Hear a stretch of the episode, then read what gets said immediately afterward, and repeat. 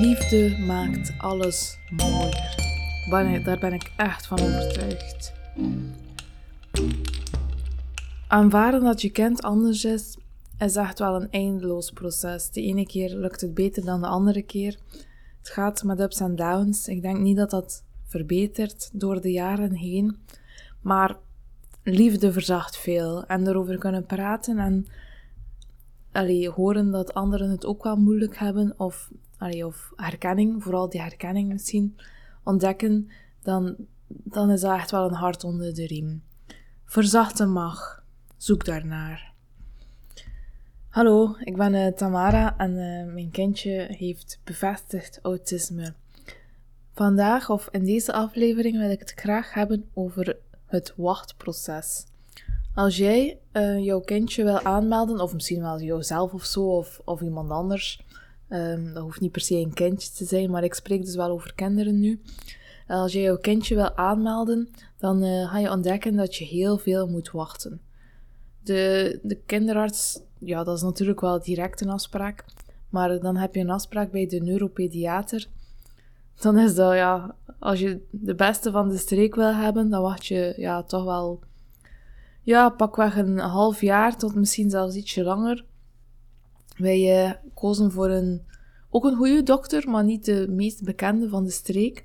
En daar hebben wij vier maanden gewacht. Daarna moet je wachten op het COS, wachten op revalidatiecentrum, wachten op thuisbegeleiding. Er is heel veel wachten als je, als je onderzoeken laat doen. Dat zal je vroeg genoeg ontdekken als je dat nog niet weet.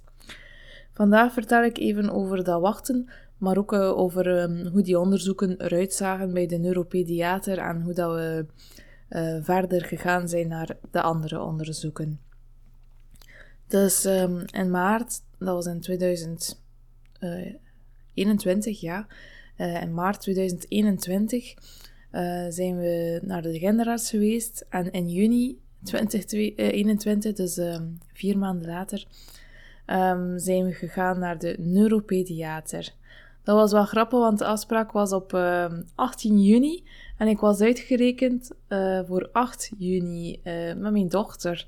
Dus dat betekende dat, dat het zeer spannend zou zijn, maar ik wou echt die afspraak hebben, want dat was de eerste volgende dat lukte. En Remus verjaart 29 juni. En als je kindje onder de drie jaar is, dan uh, kun je nog gemakkelijk aangemeld worden bij het COS. COS is Centrum voor Ontwikkelingsstoornissen. Uh, ben je daaronder, sorry, daarboven, dan moet je wachten, denk ik. Ik weet niet hoe het werkt, want er staat letterlijk op de website: wij aanvaarden enkel kindjes onder de drie jaar. Ik denk nu zelfs dat het onder de twee jaar is, als ik me niet vergis. Um, maar allee, dat is echt wel absurd dat je zo lang moet wachten. Maar uiteindelijk, um, ja, dacht ik van hoe sneller, hoe beter. Dus als dat al voor zijn verjaardag is is dat nog beter. Hè? Uh, dus daarom hebben wij gekozen om echt wel die afspraak van 18 juni te, doeken, te doen. Ook al ben ik dus uitgerekend voor 8 juni. Maar goed, Remus is precies op zijn uitgerekende datum gekomen, dus ik had niet het gevoel dat ik over tijd zou gaan. En dat was gelukkig ook niet zo, want Rea is geboren op 6 juni. Dus op 18 juni waren wij daar met z'n vieren bij die dokter en had ik kleine Rea mee. Want er is no way dat ik mijn dochter van ja, toen was het uh, twaalf dagen oud zeker. Uh, ja, twaalf dagen oud, uh, zou achterlaten voor drie uur bij iemand anders. Dat, dat hangt er niet in bij mij. Maar goed, de coronaregels waren toen ook juist iets minder streng. En ik had toen ook vooraf gebeld en dat was gelukkig ook geen probleem voor de dokter. dus ik met mijn draagzak, Remus en de buggy waren wij bij die dokter, bij die neuropediater. Ja, wat gebeurde er bij de neuropediater? Misschien wil je dat wel graag weten. Um, dus wat gebeurde er precies? Dat was een lichamelijk onderzoek. Dus dat is wegen, meten, keer in de oortjes kijken, een keer naar de longen kijken. Zo echt een standaard onderzoekje eigenlijk. Dan ook een kleine observatie. We waren daar ongeveer ja, een twintigtal minuutjes. Um, en dan um, vroeg mijn man op een gegeven moment bij de neuropediater of dat er misschien iets uh, aan de hand was. En die neuropediater sprak direct uit over um, ja, dat het waarschijnlijk wel autisme zou zijn. Dat hij dat eigenlijk niet mag zeggen, want dat is niet zijn uh, expertise. Hij mag, hij, hij mag hij dat niet uitspreken, maar goed, hij zei ja, het is waarschijnlijk wel een matige vorm van autisme. Dat was eigenlijk toen dat mijn man vroeg of het over een lichte vorm zou gaan. En dus een matige vorm, zei die dokter. En die matig, dat was zo hard voor ons. Dat klonk. Dat, dat woord had zoveel gewicht op, op hem. En ik denk niet dat die dokter eigenlijk zelfs beseft heeft wat dat met ons gedaan heeft. Maar dat was echt uh, zeer intens. Uh, wij zijn, uh, ik weet nog dat wij in de auto gekropen zijn en dat wij echt, uh, ik denk dat ik wel geweend heb op dat moment. Uh, ik kon er echt niet aan dat dat matige vorm van autisme is.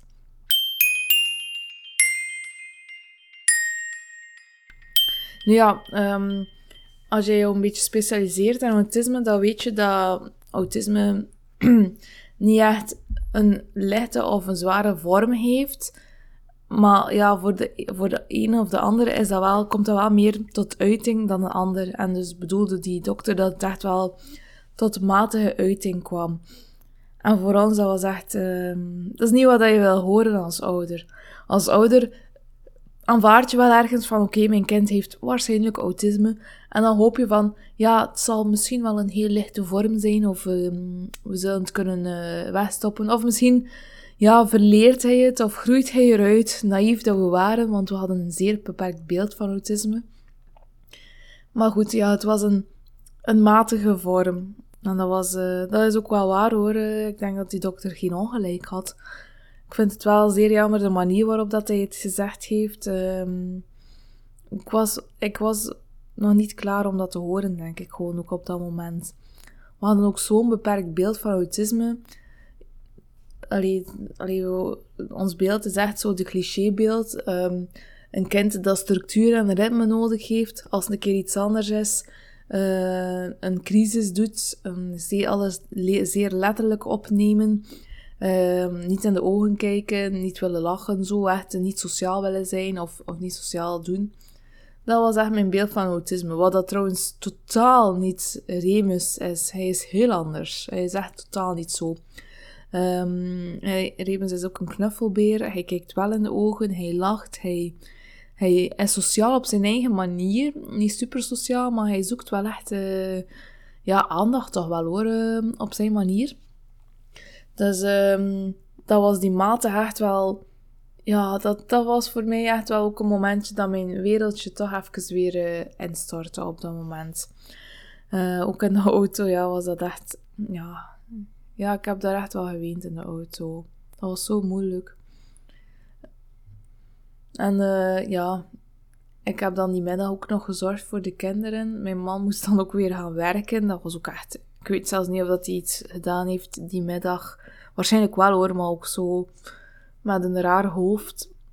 Uiteindelijk, mocht je zo'n afspraken hebben, is het misschien wel een aanrader om ja, een dag verlof te nemen of dat te plannen op een moment dat je niet direct achter moet werken. Want dat is toch echt wel zeer intens hoor, die onderzoeken. Zeker als er zo'n dingen um, ja, gezegd worden. Dan uh, mochten we kiezen tussen het COS, dat is het Centrum voor Ontwikkelingsstoornissen, om onderzoeken te doen, of het revalidatiecentrum. Uh, je hebt verschillende revalidatiecentra. Uh, wij hebben gekozen voor Kortrijk.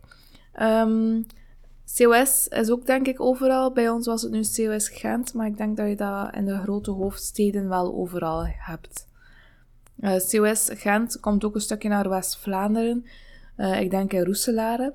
Maar uh, wij hebben gekozen om naar Gent te gaan, omdat het gewoon ook sneller ging. Nu sneller, het was misschien een maand eerder of zo hoort. Het is nu niet dat het super snel, veel sneller ging, maar goed. Alles, uh, alles minder wachten is mooi meegenomen, vind ik. En voor ons is Roeselare ook in de auto toch 20 minuten, dus uiteindelijk ja. Het zijn keuzes. Nu, um, je mocht dus kiezen tussen COS of revalidatiecentrum. Ik had afhankelijk eerst gekozen voor COS, maar omdat dat ook zo lang duurde, had ik ook toch gekozen om Remus uh, op het revalidatiecentrum te zetten. En uh, mocht ik het nu nog opnieuw doen, zou ik waarschijnlijk direct naar het revalidatiecentrum doen. Omdat ze daar meer onderzoeken doen en, en vooral omdat ze daar niet enkel een diagnose geven, maar ook direct uh, begeleiding of therapie aankoppelen. Want ja, een diagnose is een diagnose, super belangrijk voor van alles om sterk te staan in jouw schoenen en zo. Maar als jouw kindje extra noden heeft, extra gestimuleerd moet worden, extra ja, zorgen kan gebruiken, dan is een revalidatiecentrum echt wel the place to be. Dan moet je naar daar gaan. Dus uh, mocht je twijfelen tussen die twee, dan kijk je wat je kindje nodig heeft. Is het gewoon een diagnose? Ga naar het COS. Kan je wel wat hulp gebruiken en wat therapie denk, denk je dat je kindje wel wat therapie kan gebruiken, dan is het revalidatiecentrum jouw go-to.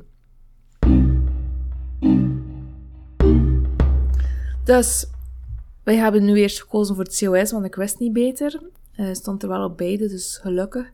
Want ik had, uh, ik had ook al vaak gehoord van vrienden van revalidatiecentrum, doet dat, doet dat. Dus hij stond gewoon op de beide. Uh, het voordeel is wel dat, dat ik er kan over vertellen over de beide. Um, dus dat was in juni. En uh, pas in februari van 2022 starten de onderzoeken van COS. Dus dat was een totale wachttijd van ja, ongeveer een, ja, zevental maanden heb ik hier staan, maar dat klopt waarschijnlijk niet. Van, ja, dus van juni tot februari. Ah ja, nogal wel ongeveer kloppen. Ja, het is redelijk lang wachten. Klinkt als een eeuwigheid, maar goed. We hadden het geluk dat wij wel nog konden omgaan met Remus. Hij doet geen uh, crisissen en dergelijke. Het was nog een heel ander verhaal, mocht dat wel zo geweest zijn. Dus um, ik ga nog even vertellen wat dat wat dat COS gedaan heeft. Dat was eigenlijk vrij kort en vrij weinig onderzoek achteraf gezien, maar waarschijnlijk wel voldoende om een beeld te hebben.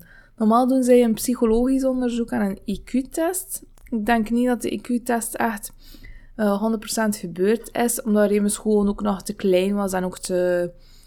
Allee, hij luistert niet zo goed, hij begrijpt ook niet zo goed, waardoor dat de oefeningen ook vaak geen baat hadden. Als hij het niet uitvoert omdat hij niet begrijpt, en niet omdat hij het niet kan, is dat een andere insteek. Hè? Dus met die IQ-test, denk ik, gaan ze nog wachten om die uitgebreid te doen.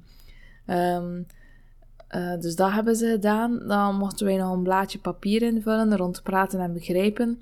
Mocht je ook dit parcours opgaan, dan ga je merken dat je heel veel vragenlijsten zal moeten invullen uh, en blijven invullen. Um, dan hebben ze ook nog gebeld met de school en met de crèche. Remus was net begonnen met school, dus ik vond dat wel belangrijk. Ik heb daar ook echt op gestaan dat ze de beide wilden bellen. Want ja, hij ging nog maar een maand naar school, dus dat ging misschien een vertekend beeld geweest zijn. Maar ze hebben ook effectief de, de beide gebeld hoor. Ze hebben dan ook nog eens gebeld met ons. En dan was er opnieuw ook weer een fysiek onderzoek. Dus weer zo'n uh, lichamelijk onderzoek, kun je zeggen. Hè. Uh, dat bellen met de school en met de crèche en die bellen met de ouders voor corona was dat gewoon een observatiemoment dat ze deden bij het kindje zelf, dus in de school zelf, of in de crèche, en ook bij de ouders zelf. Maar um, door corona is dat niet gebeurd. Wat ik eigenlijk echt wel super jammer vind, want ik denk dat je de helft mist. Want wij zijn geen expert, hè, dus wij kunnen wel dingen vertellen en doen, maar een expert gaat veel meer zien en veel meer uh, opvallende dingen kunnen zeggen dat wij natuurlijk als ouder niet zien. Hè. Dus dat was eigenlijk um, hoe dat gesprek bij de neuropediater geweest is en ook hoe dat uh, de onderzoeken van COS eruit gezien hebben. Dat was dus in februari. En, um, en ik moet even denken, nu juist uh, in juni uh, zijn de onderzoeken gegaan in het revalidatiecentrum. Daar ga ik uh, in een andere aflevering nog even over vertellen, want ik heb daar redelijk wat over te vertellen. Uh, maar zo zie je maar, het is heel veel wachten en heel veel ja, geduld hebben. Hè. Die, die hulp is zo nodig, want het is nu dat ons man nog redelijk klein is en redelijk kneedbaar, denk ik, leerbaar. Dus ik wil echt wel dat het snel opgestart wordt, zodat hij alle kansen krijgt die hij verdient en die hij echt uh, nodig heeft om, om te kunnen groeien. Hè. Dat was het voor deze aflevering. Vond het fijn dat je erbij was. Mm, heb je nog een vraag of wil je nog iets kwijt? Stuur me zeker aan vast een berichtje. Dat mag gerust via de website www.meerdanmama.be zijn of stuur mij een berichtje via Facebook of Instagram. Dat is allemaal even goed. Tot later!